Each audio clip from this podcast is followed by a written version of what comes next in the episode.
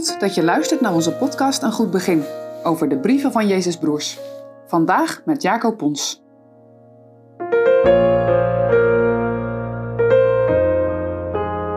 Vandaag beginnen we aan Jacobus 4 en we lezen de eerste drie versen. Het thema is wellustig leven. Van waar komen krijgen en vechterijen onder u? Komen zij niet hiervan, namelijk uit uw wellusten, die in uw leden strijd voeren? Gij begeert en hebt niet, gij benijdt en ijvert naar dingen, en kunt ze niet verkrijgen. Gij vecht en voert krijg, maar gij hebt niet, omdat gij niet bidt. Gij bidt en gij ontvangt niet, omdat gij kwalijk bidt, opdat gij het in uw wellusten doorbrengen zou. Vandaag betreden wij een slagveld, een oorlogsgebied. Nee, het is geen oorlog in de wereld of een oorlog tussen twee volken of landen. Nee, het gaat om een oorlog in de kerk. Strijd tussen christenen onderling. Jacobus is behoorlijk scherp. Hij wint er geen doekjes om wat hij nu precies bedoelt. En hij gaat er recht op zijn doel af.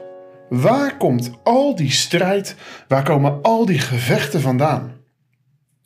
Jacobus gebruikt synoniemen oorlog en gevechten. Dat geeft wel aan dat het niet zomaar een meningsverschilletje is. En het gaat niet om, om leerverschillen. Daar zou eventueel nog wat discussie over kunnen ontstaan. Niet dat dat heel goed is. Nee, het gaat hier om hebzucht en om eerzucht. De een gunt de ander niks. Het is pure onderlinge afgunst. Maar hoe kan dat? Hoe kan deze strijd bestaan? Jacobus stelt het vragende wijs. Maar ten diepste is het een retorische vraag. Want het antwoord is al lang duidelijk. Het komt voort uit de hartstochten van de gemeenteleden. Het verlangen naar plezier, naar genotzucht, vooral van seksuele aard. En juist die begeerten zorgen voor een mobilisatie voor de strijd. Deze begeerten drijven tot zondige daden. Ze maken moorddadig, ze maken jaloers. En dat leidt tot die onderlinge oorlog. Jacobus beschrijft in hele scherpe bewoordingen hoe die oorlog gevoerd wordt. Hij wijst haarfijn aan waar de haper zit, waar de rotte plek zit. Calvijn zegt: Het gaat over een begeerte die nooit verzadigd raakt, ook al krijg je de hele wereld. En zodra je die hebt, dan zou je wensen dat er een nieuwe wereld voor jou geschapen werd. Nooit genoeg. Pure hoogmoed. Altijd de zucht naar meer, meer, meer. En altijd maar weer de wil om gelijk te hebben. Ik ben beter dan jij. Mijn plannen zijn mooier. Ikke, ikke, ikke. Altijd ik in het midden. Aangrijpend, vind je niet?